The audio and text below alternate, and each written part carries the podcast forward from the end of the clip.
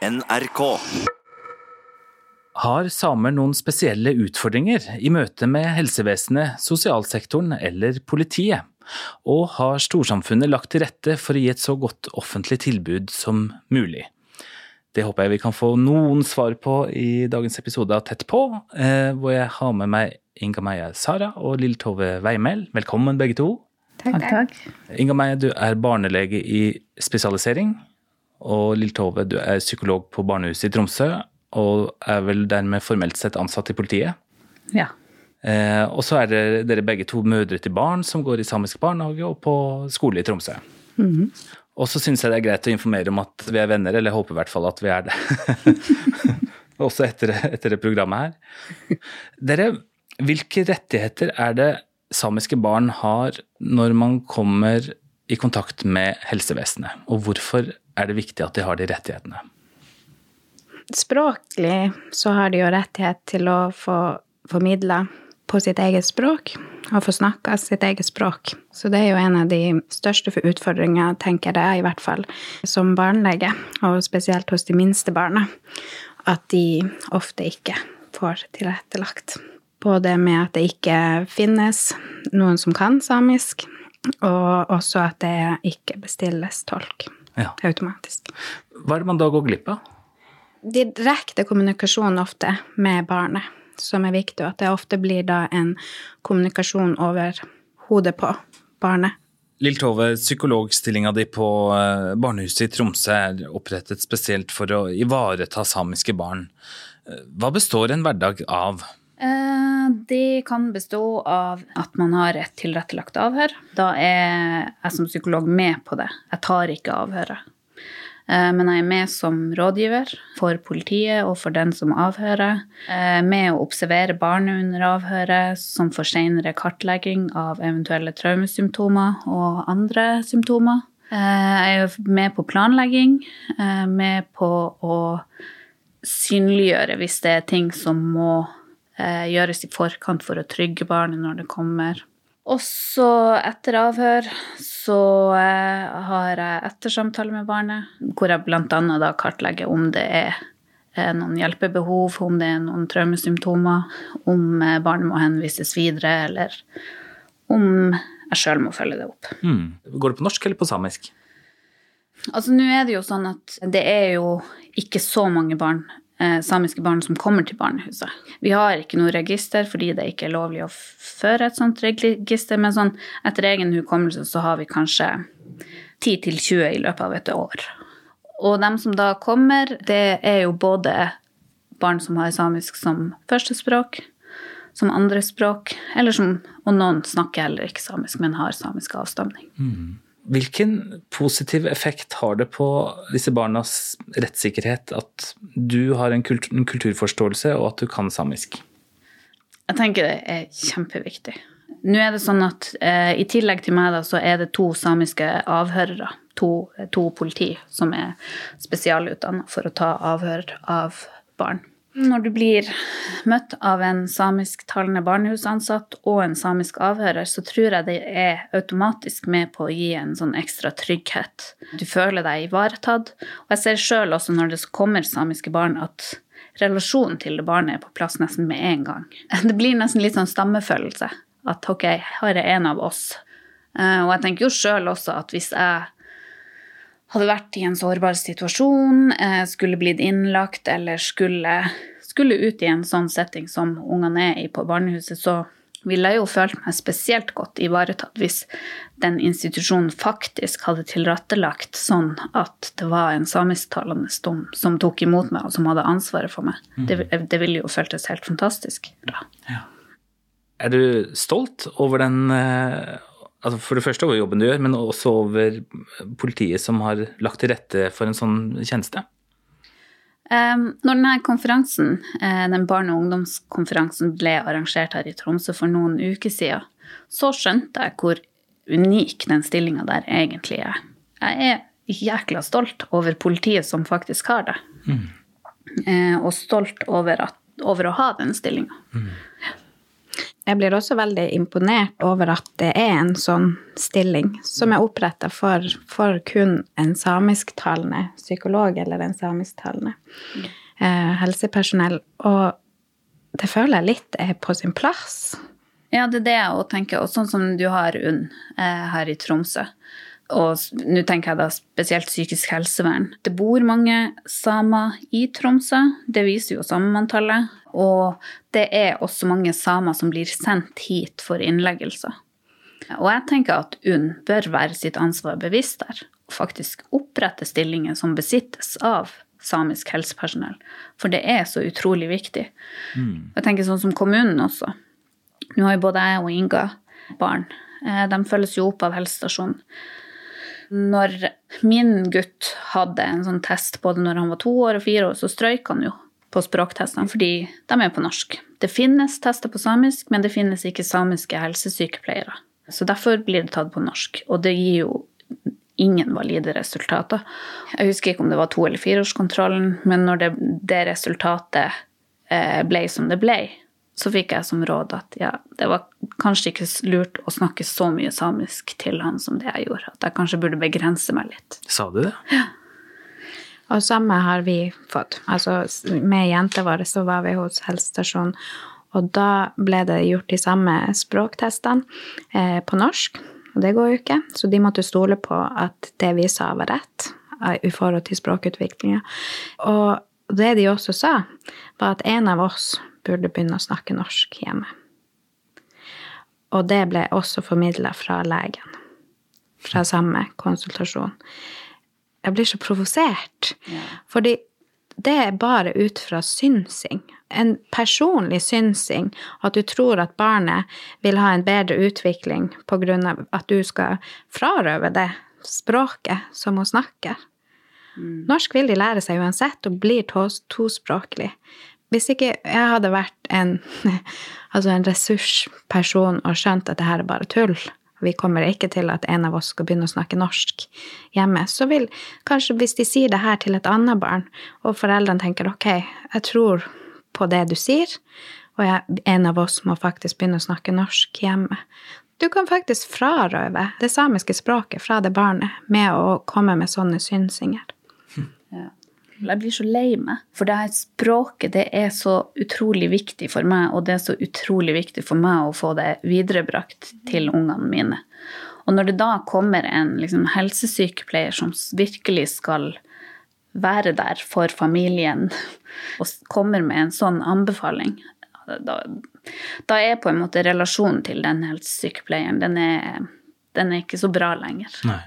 Men det er en utrolig skummel setting, for det, det er jo en faglig autoritet som sier det her til personer som ikke nødvendigvis kan det samme faget.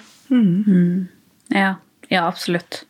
Og det er et stort forbedringspotensial der, også med at helsepersonell under utdanning må få mer undervisning både om samisk kulturforståelse, kanskje til og med samisk språk. Og det er det per i dag, men det er ekstremt lite. Vi hadde to timer over seks år mm. om samisk kulturforståelse. Og universitetet flagger med at de er så stolte av at de har de timene, men det er snakk om to timer i løpet av seks års studie. Ingenting. Og alle de her skal liksom ut og jobbe med samisk. Det er jo målet for Universitetet i Tromsø, at de skal jobbe i nordområdene når de blir ferdig. Mm. Og så lærer de så lite. Med ujevne mellomrom kommer det jo nyhetssaker som eh, handler om at man har rett til å bruke samisk i møte med det offentlige. Og så kommer det ofte i kommentarfeltene at vi bor i Norge og snakker norsk. Hva synes dere om det argumentet? Eh, de fleste av oss kan jo norsk. Men så er det unntak, og det er nettopp de minste barna og eldre. Og så er det jo håper jeg, unntak blant oss som også er verken det ene eller det andre. At det finnes folk som ikke snakker så godt norsk. Og det er én ting. Men så er det noe annet igjen det at oftest når du er i kontakt med helsevesenet, sosialvesenet, politiet, så er du i en sårbar situasjon. Du er i en livssituasjon som du helst ikke vil være i. Og når du da skal forklare deg på norsk når morsmålet ditt er samisk, så kan det gjøre deg enda utryggere. Mm. Men også det her med kulturforståelse. du føler en annen trygghet med at du vet at de har den samme forståelse for kulturen vår. Og det gir også en trygghet i seg sjøl, selv, selv om vi kan norsk.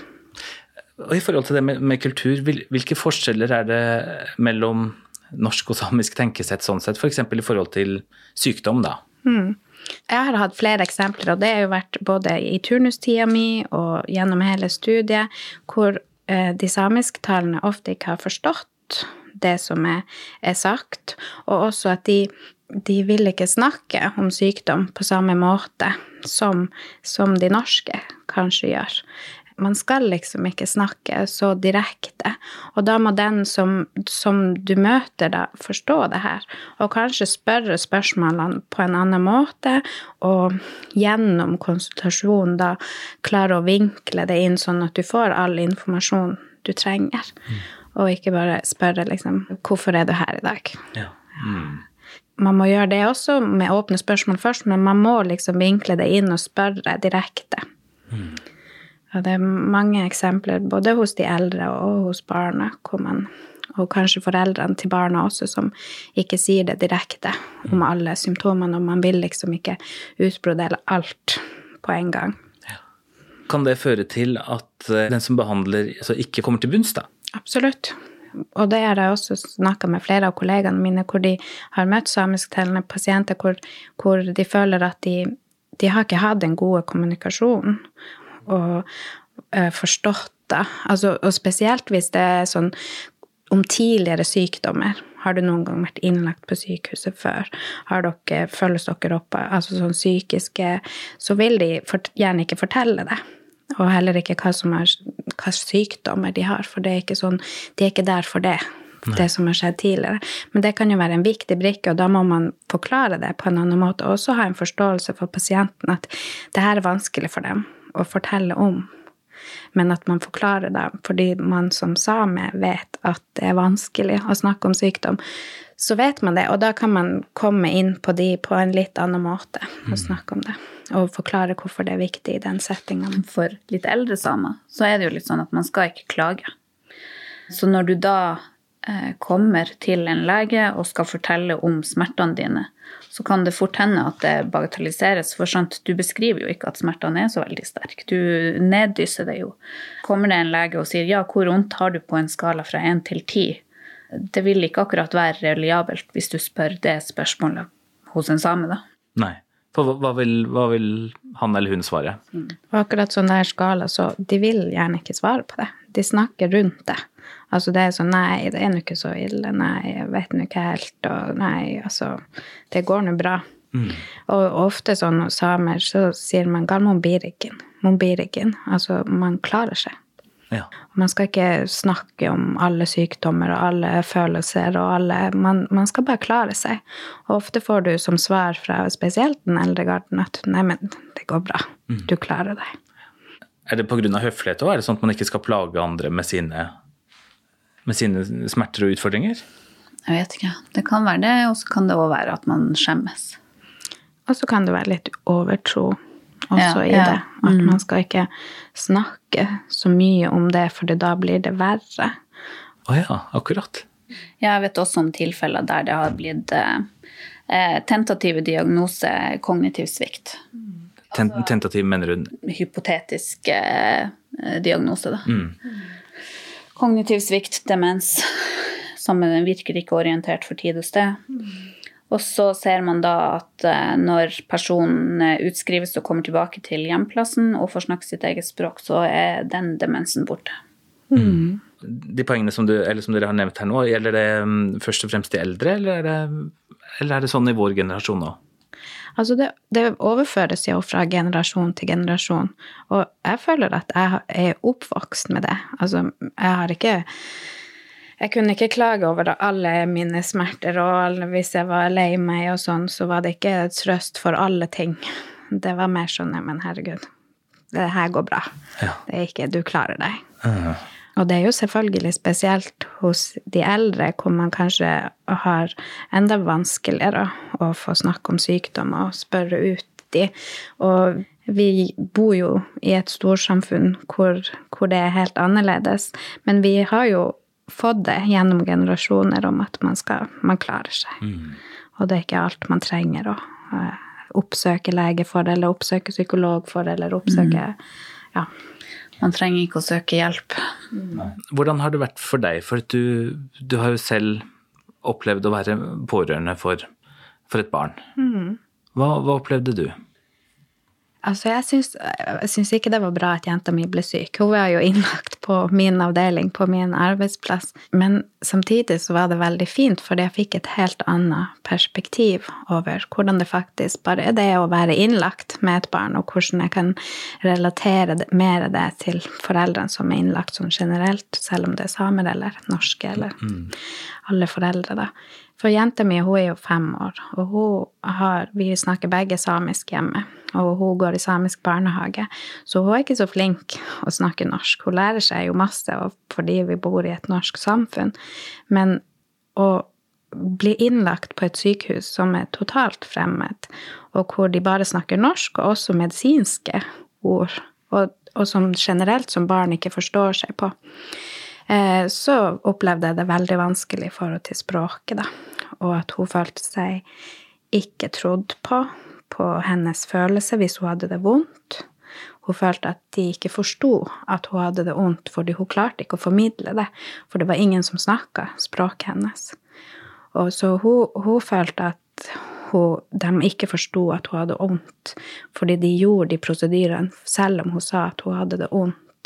Og hun prøvde jo å si på flere språk. altså Hun sa på samisk at det gjør vondt. Hun sa det på norsk. Prøvde å løpe nei, vondt. Og så sa hun det til og med på engelsk, fordi hun følte at nei, ingen forstår meg, hva språket de snakker. Sånn. Så hun sa bare no, no.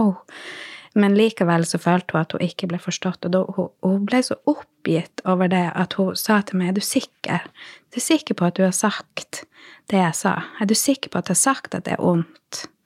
Det var en sterk opplevelse for meg. Mm. Um, både det at hun ble syk, men også det med, med, det samiske, hvor viktig det kan være for mm. barn. Å bli møtt på sitt eget språk og kunne kommunisere med de som skal behandle henne. Mm. Mm. Hørtes ut som en veldig sånn avmaktsposisjon for en liten jente. Absolutt. Og, men det var flere ting som jeg etter den innleggelsen erfarte også, i forhold til det her med tolk. Jeg ble jo brukt som tolk. Det blir litt unaturlig å spørre om tolk fordi jeg kan norsk, men det jeg erfarte der, var at kanskje det hadde vært bra med en tolk. Fordi til slutt så var det sånn at de, altså helsepersonellet som kom til oss, de snakka ikke lenger direkte til henne fordi de følte at de ikke klarte å kommunisere med henne fordi hun snakka samisk. Så da snakka de heller til meg, da. Og så skulle jeg tolke det til henne. Og det ble også en sånn rar situasjon, fordi da sa jeg det til henne på samisk, og så gikk de ut, og da sier hun sånn Var det du som sa til dem nå at nå skal de gå og hente en nål og så ta blodprøve av meg? Det ble feil at jeg ble brukt som tolk, føler jeg, i hvert fall i de mest smertefulle prosedyrene som skulle gjøres. Mm. Fordi hun følte Og hun var forvirra, rett og slett. Ja. For du var ikke lenger bare mamma mm, som hun trengte der og da, sannsynligvis. Mm. Ja. ja. Og det var ingen som forklarte til henne at hva er det vi skal gjøre, og hvorfor skal vi gjøre det. Hun hadde lungebetennelse, og ble lagt til slutt på sånn ganske kraftig pustemaskin. Eh, og hun protesterte. Hun bare slo seg helt vrang, og de kunne ikke sette den på. Og da kom det en annen sykepleier, hun snakka også norsk, men hun satte seg ned ved senga hennes, så henne direkte i øynene og sa på norsk at nå må vi holde deg fast, vi skal legge på en maske, og med en gang masken er på, eh, så slipper vi deg, men du må ikke ta av masken. Og når jeg da tolka det, så gikk det bra. Fordi da hadde de sett henne i øynene og snakka direkte til henne. Mm.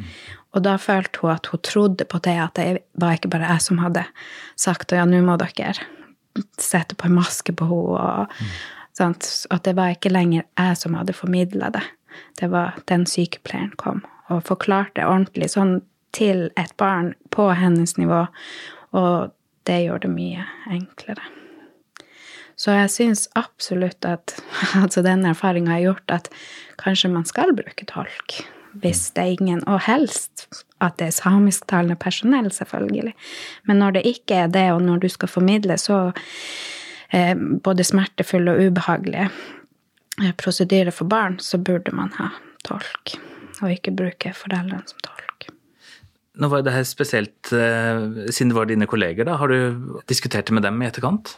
Ja, jeg har også gitt både ris og ros. Men jeg har ikke eh, jeg har ikke hatt noe Jeg hadde jo tenkt å ha en liten sånn internundervisning med dem, eh, men jeg har ikke gjort det enda da. Men de har forespurt det.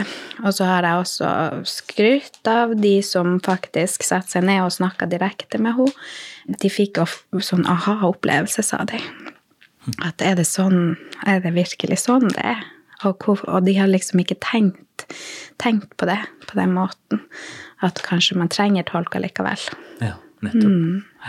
Gir det mening for en uh, psykolog? Ja, absolutt.